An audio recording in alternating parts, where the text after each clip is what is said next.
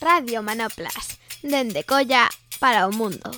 Mira na roda da vida, vira como unha buxaina. Benvidas a Radio Manoplas.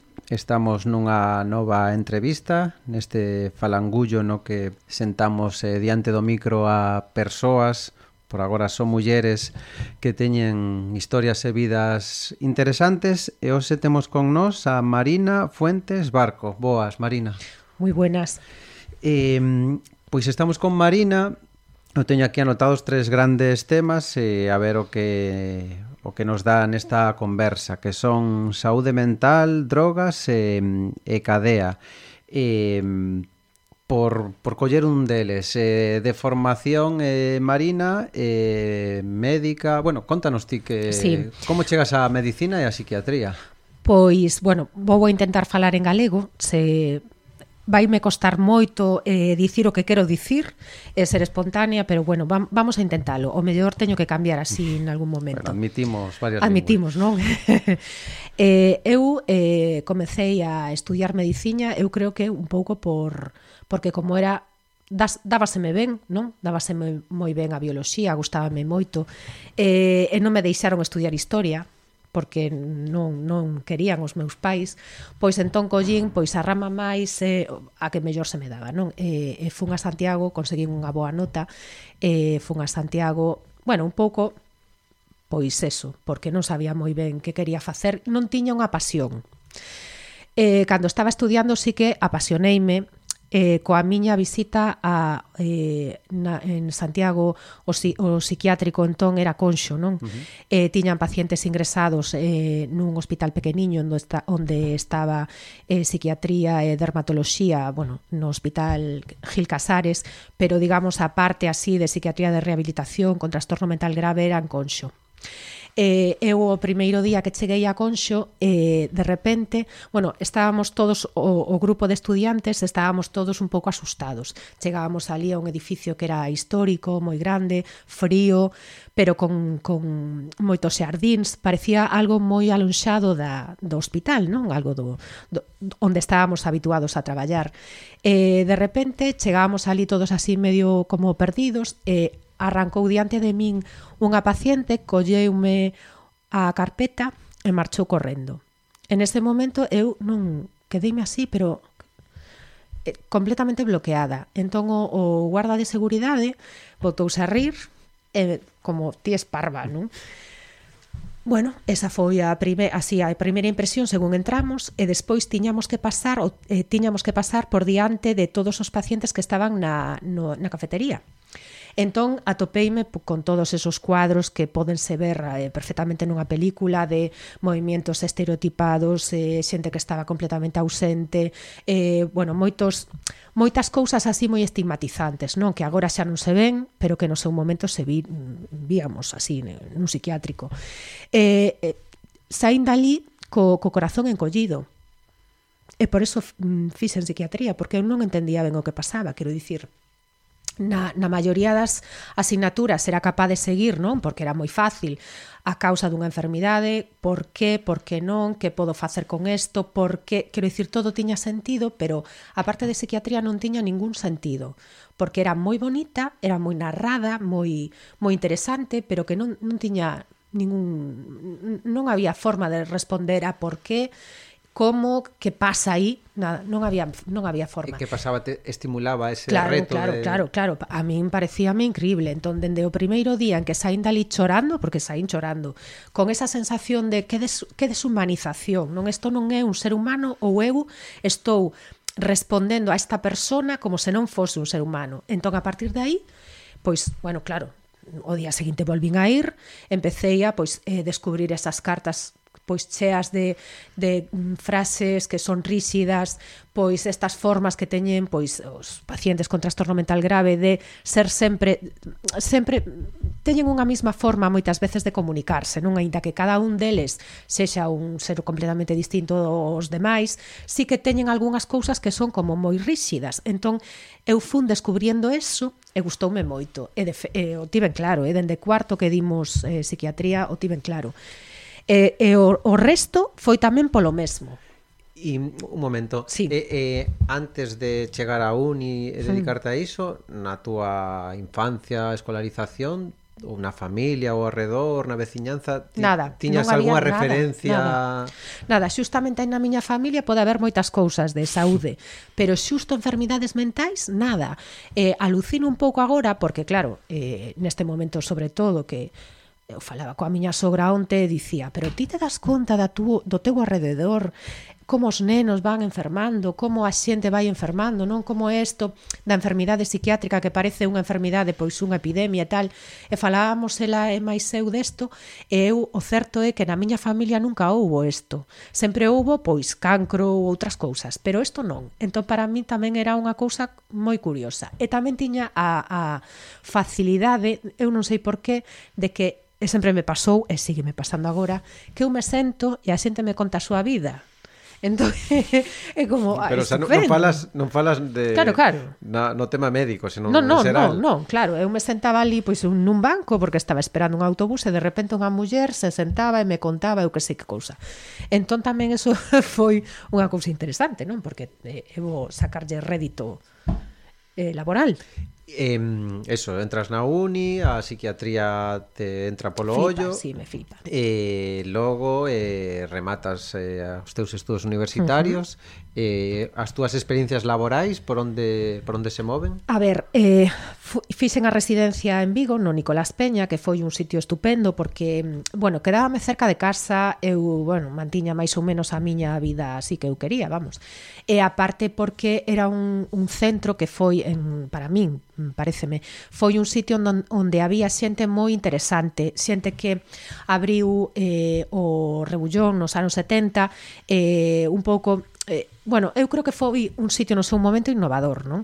E tiven a sorte de traballar con xente que me interesou moito e xente moi curiosa porque era había moitos artistas no, no na, como, como tutores, era mm, xente moi culta e despois algún artista. Entón, bueno, era un sitio moi interesante. E, e tamén, e, bueno, tiña claro que quería facer psiquiatría, gustábame moito a psiquiatría de interconsulta que ven sendo a parte da psiquiatría das enfermidades xerais porque sempre, hombre, a min gustame a mediciña, e gustame ver eh, enfermos, e gustame esta parte ademais, bueno, pois do, como diría, do a psiquiatría permite saber que a enfermidade é unha cousa social, non? Que a enfermidade como tal non existe. Entón, este, mm, esta cousa de ata que punto un está enfermo, cando está enfermo, cal é o grado o que ten que chegar de células malignas para chegar á enfermidade. Bueno, todo eso que a parte que nós tamén podemos aportar á medicina xeral é moi interesante. Unha parte máis de humanista, de Mm, vostede científico ten que esperar un pouco, pensar pois na autonomía do paciente, de escoitalo desta parte pois o mellor eh, anímica ou espiritual ou emocional do seu paciente. Bueno, un pouco isto me gustaba moito e ademais gustábame moito a vida hospitalaria. Entón, empecé, bueno, pensei en adicarme a, a psiquiatría de enlace.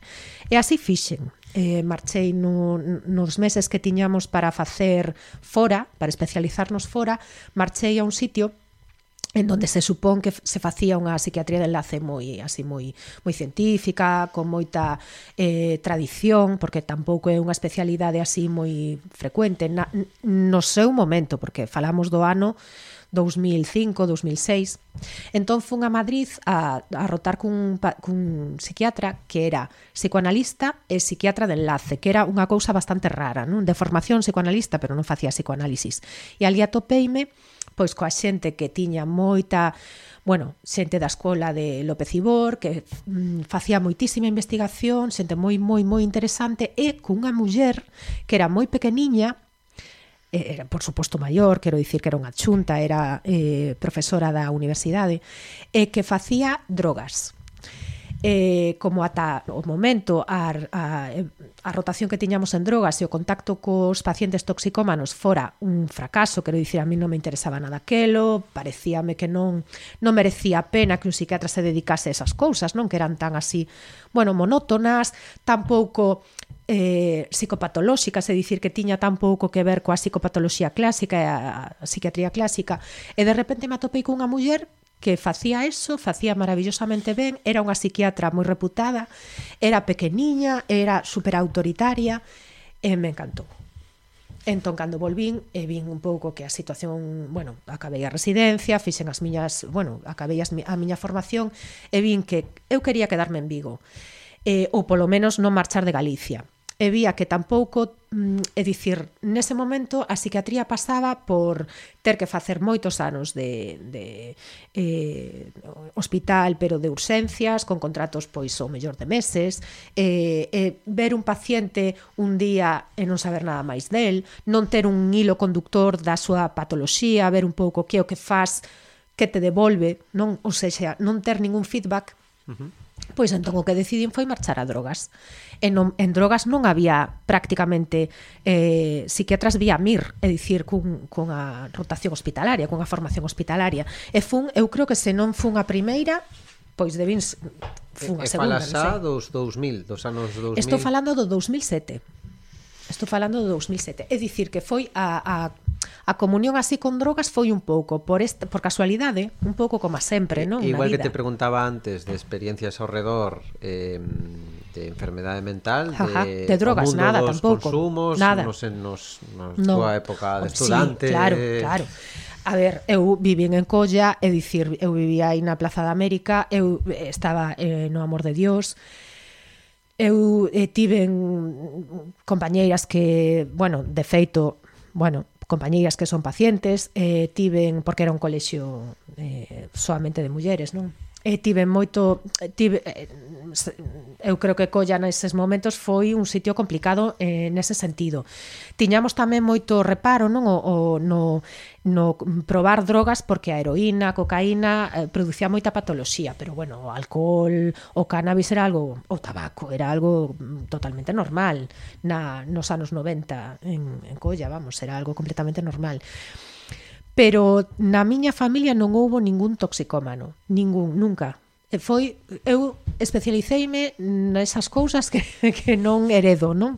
Heredo outras cousas, pero esas non. Entón, bueno, pero pero si sí, foi un pouco de casualidade eh, foi estupendo porque fun especialista en drogodependencias de, das primeiras de psiquiatras que hubo en Galicia e gustoume moito. Eso mm. foi onde estás eh, na actualidade? Non, non. non. Eu estive rotando por varios centros de drogodependencias. Estiven en Vigo en dous, estiven en Cedro, estiven en Alborada e despois marchei a Porriño non por nada, senón porque que o centro onde estou agora, vamos, porque tiña turno de mañán e xa está. Ou sexa, un pouco... E atopeime tamén cun sitio estupendo, porque é un sitio rural. E o rural é fantástico. Para quen escoite non saiba, eh, Marina traballa na UAZ de Oporriño, non? Uh -huh. na Unidade de Drogodependencias sí. do Oporriño, E eso, esa parte interésame porque algo lín por aí de que facías mención do contexto no que traballas, no que ademais de atender o Porriño, atendedes a comarca sí. non? Da, da, sí. do sur da, da sí. provincia de Pontevedra e, e as características non? da contorna, dicir, o, ser unha zona rural con esa visión do mundo que eh, como afectan no tratamento ou, un, ou nas persoas que chegan a UAZ?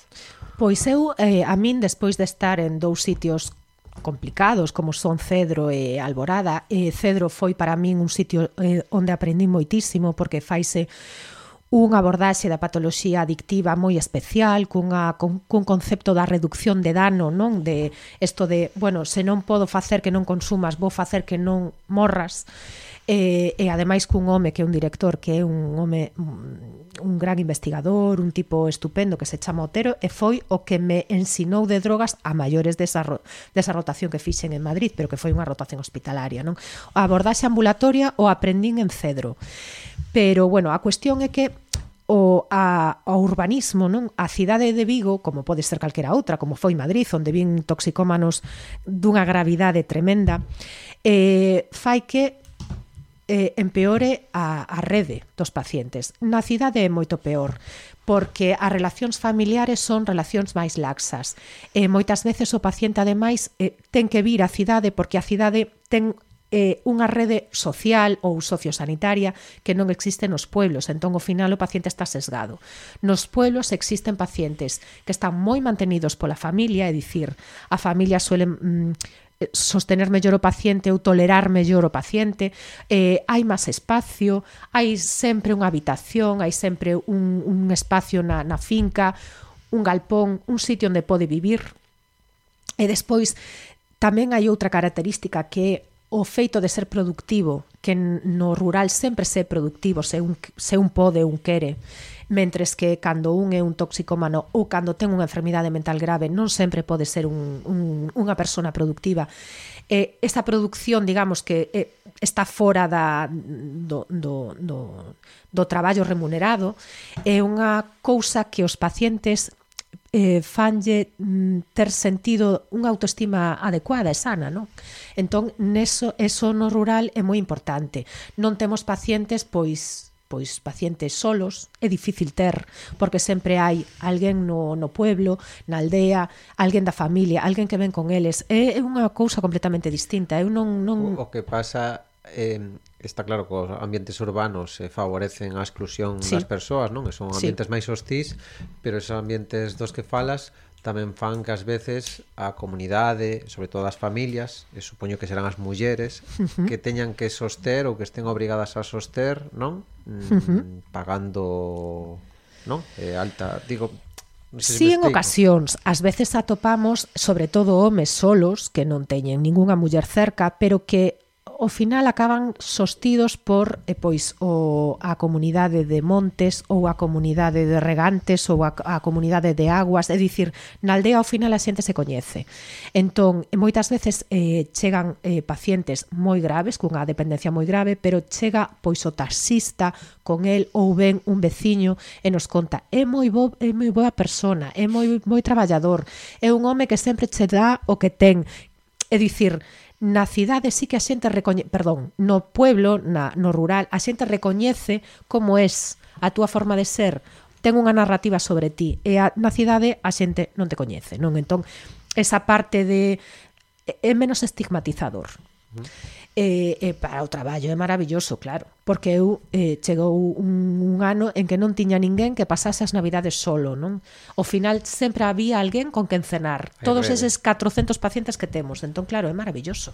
Eh, por a xente que nos escoite falar de drogas eh, xa no século 21 a heroína, inda que sigue estando sí, sí. se suma a outras sustancias a outras sí, sí. formas de consumir eh, eso, cando falas de pacientes eh, na UAZ que tipo de, mm, no sé de pacientes non, non me gusta isto de perfil pero que, mm, con que, que se está consumindo que tipo de problemas achegan se achegan a, ao centro Pois eh, nestes últimos anos vense moita xente con patoloxía mental É dicir, así como antes, eh, evidentemente, tanto as adiccións son unha patoloxía mental como eh, como as, as drogas producen síntomas psiquiátricos, non? Entón, pois sempre houbo xente con trastorno mental grave ou leve. Pero neste momento parece como se cando aparece o síntoma de consumo, existe unha derivación automática a unha unidade de drogodependencias cando antes, pois o mellor, ese paciente se mantiña en saúde mental e simplemente se o consumo é un síntoma, non é a patoloxía fundamental, non, non, é, non é a que marca o pronóstico, entón, polo tanto, mantemos o paciente aquí en saúde mental. Eso cambiou, supoño que en parte porque a saúde mental, é dicir, eh, a psiquiatría xeral está... Pues, sobrepasada ou o que sexa, non ou colapsada, eu non sei porque non sei cales son os seus números.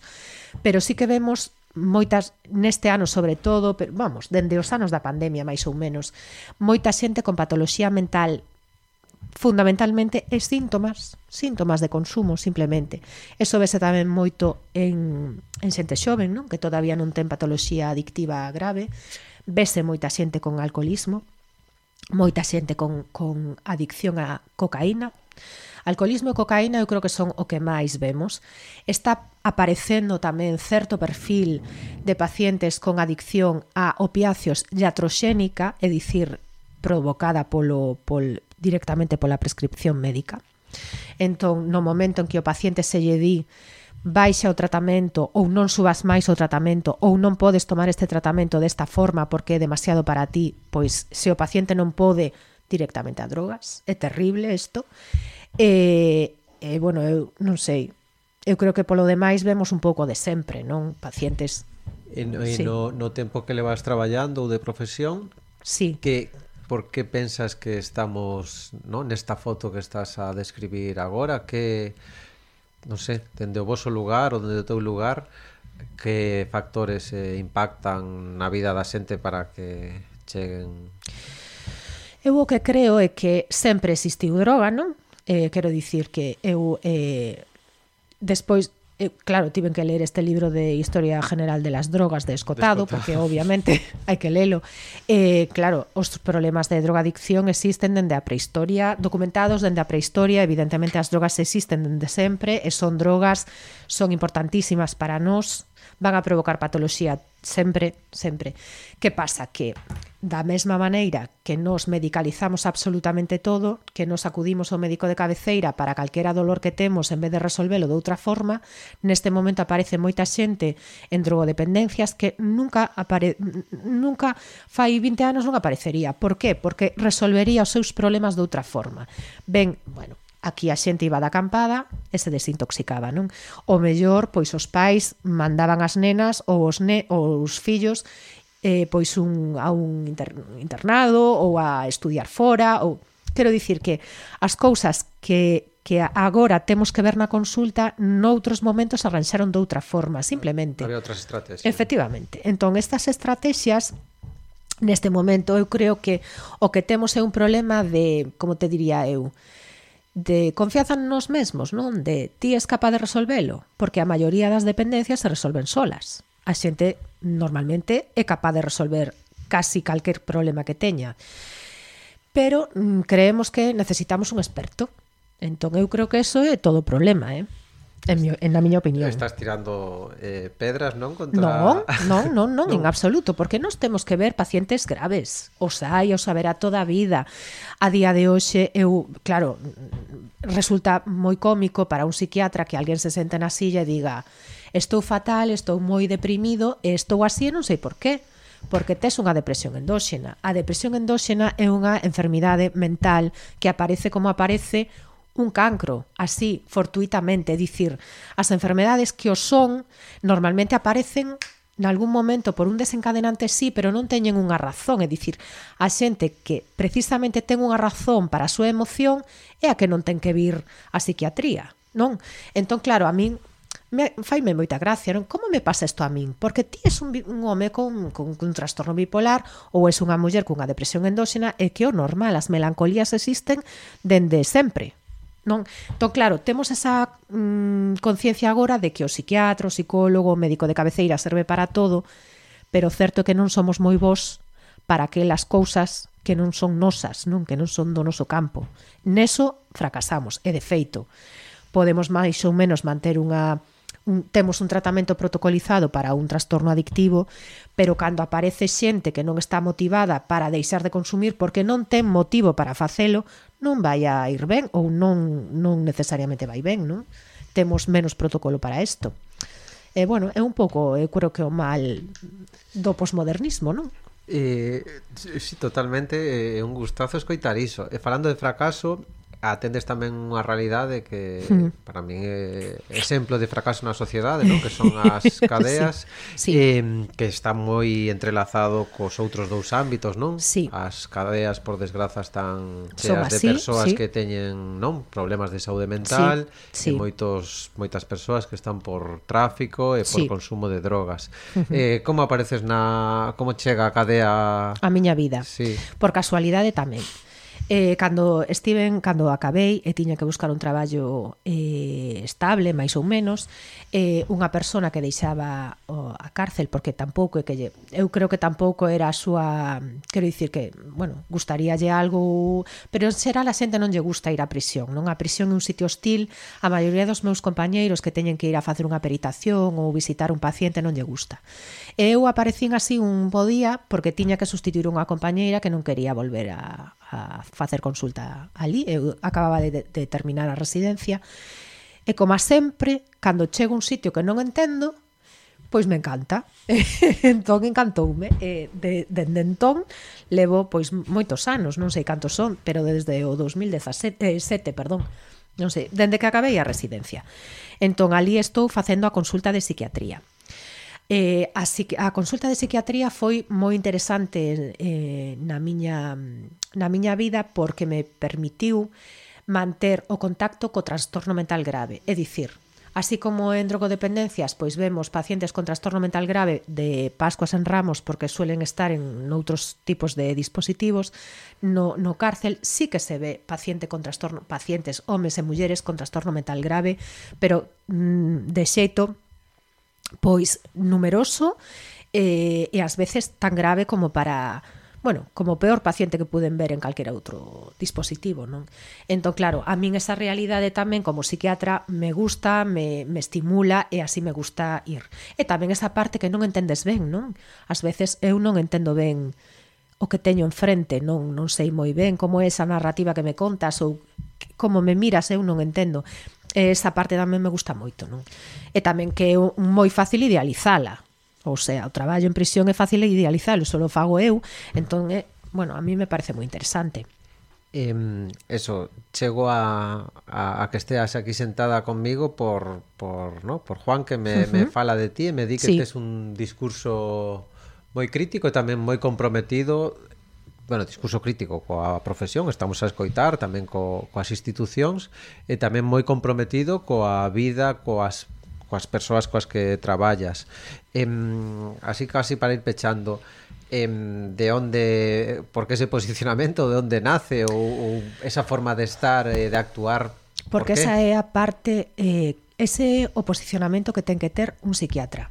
É dicir, cando un psiquiatra se senta diante dun paciente, eh, tiña un, un psiquiatra, vamos, un, un dos meus tutores que se chama Anton Seoane, que é un cantante así moi coñecido, bueno, un músico moi coñecido, sempre dicía unha cousa. O paciente que quere de ti é a maior a unha atención total, non? Eh, de algunha forma tamén o que quere de ti é esa empatía, ese estou contigo. Entón, estou contigo implica estou contigo, tamén é, unha parte moi fácil de, de, mm, de, de mm, visionar para un psiquiatra, pero tamén é a parte ou un posicionamento de calquer sanitario que estea na prisión. É dicir, eu nunca vou estar contra ti, eu sempre estou ao teu lado, non? Podes facer o que queiras, ti podes ser quen queiras, pero no teu dolor eu teño que estar, teño que estar contigo. Entón, claro, é que é moi fácil ser crítico, non? porque moitas veces a patoloxía psiquiátrica que eu teño que atender a causa a propia institución, non? a condena, a institución, a toda mm, o que o que nos estamos pedindo un interno, no? a prisonización o tes que cambiar para que eu, mm, para que ti saias daqui ti tes que cambiar. Ese sufrimento moitas veces é o que provoca a enfermidade mental. Entón, claro, é moi fácil ser crítico, claro.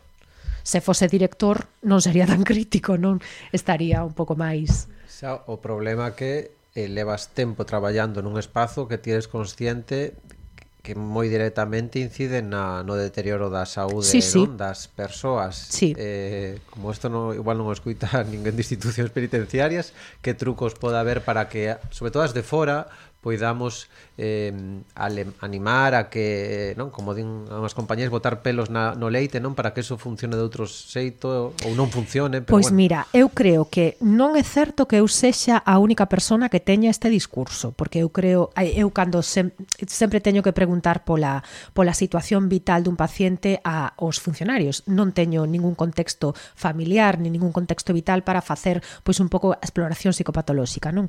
Entón, aparte de ver o paciente, teño que falar falar con quen teña alrededor, moitas veces outro interno ou un funcionario.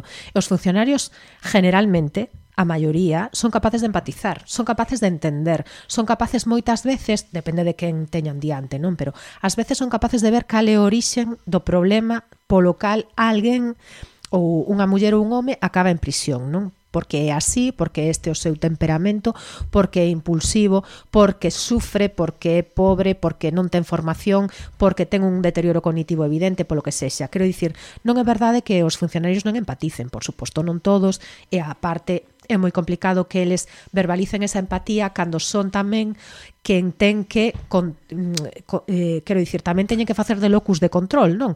Facer que o, o interno non lesione, non se autoagreda ou agreda a outros. Pero bueno, esa posición que é moi complicada, a xente a fai e que a xente a, a mantén, incluso a xente que forma parte do, do da junta de tratamento, non, do esta a dirección, a subdirección, etcétera, así que é moi empática cos internos. Claro que pasa que non poden facer un discurso crítico porque non deben, porque a, nos como sociedade non lle pedimos eso, pedimoslle que sexan duros, non? Que fagan eh, que a xente pague polo que nos creemos que nos debe. Que ás veces non é así, pero bueno, quero dicir eso que lle pide a sociedade, a sociedade pide eso, pide quid pro quo, non, non se xa. Bueno, eu creo que unha parte importante da sociedade pide iso, sí, sí, pero yo, a realidade estou... tamén que quen ten a oportunidade de estar máis preto non? Desa realidade, sí. das persoas que están dentro, sabemos que ese, esa estrategia é fallida para, no? para a xente que, que pasa por aí. Eu o que creo que o que hai que facer é abrir máis a porta do, da prisión. Eso é o que eu creo que debería ser. E xa existe moita documentación sobre isto, existe moitos discursos de que canto máis xente de fora entre na prisión, menos institución total é. Tanto na prisión como no psiquiátrico, eh? É dicir, será un centro moito máis humanizado canto máis xente vaya de fora e que poida dar os demais unha visión da, do mundo máis eh, natural, sí, máis mm, bueno, eso, máis humano. Uh -huh. Sí. Pois te dixen que eran 25, son 31. bueno, bueno, bueno. Eh, pero da igual, como vale. non temos xefes aquí, podemos ben, facer o que queiramos. Ben. Nada, Anarquía. para pechar, che dicía Marina que non hai novidade polo momento, que sempre convido a que recomendedes unha canción. Entón, eh Ben, pois, eu xustamente escoitando unha canción de, de a, a muñeira esa de chantada que cheguei tamén por unha cousa así de unha muñeira da miña filla que quería no, bueno, a cousa é que atopei unha canción que me fixo moita gracia que se chama Leira e que fala dun home que intenta namorar unha muller dicíndolle que ten leiras. E, e a min fíxome moitísima gracia. E, chamase Leira ou Le, eu pensaba que Leiras de, de Boyaca Costova. E, a verdade é que o vídeo é estupendo, é estupendo, sí. Pois nada, eh, con Boyanca quedamos, eh, no? despedimos o mm. programa e nada, agradecer a Marina estes minutos con nós e nada, moitísimas grazas. Gracias a ti. Ata logo.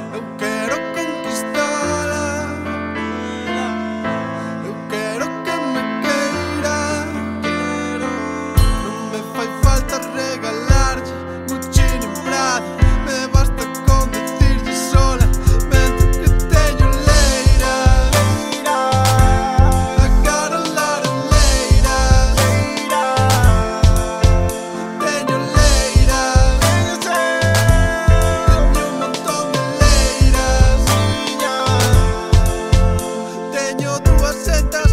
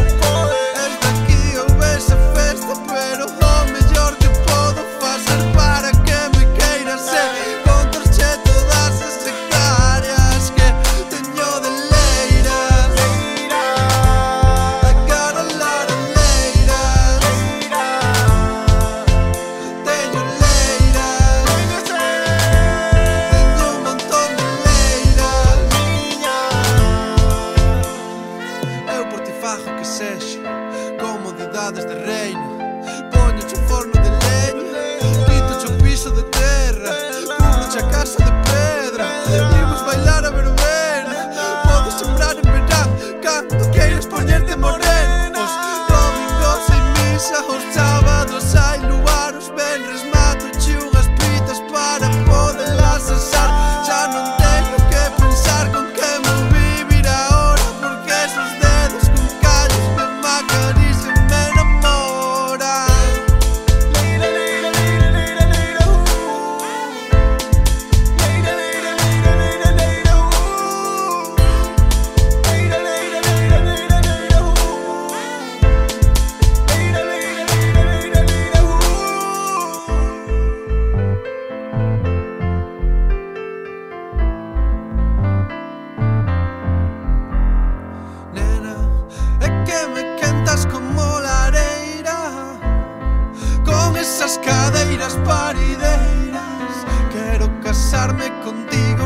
voz me deixa.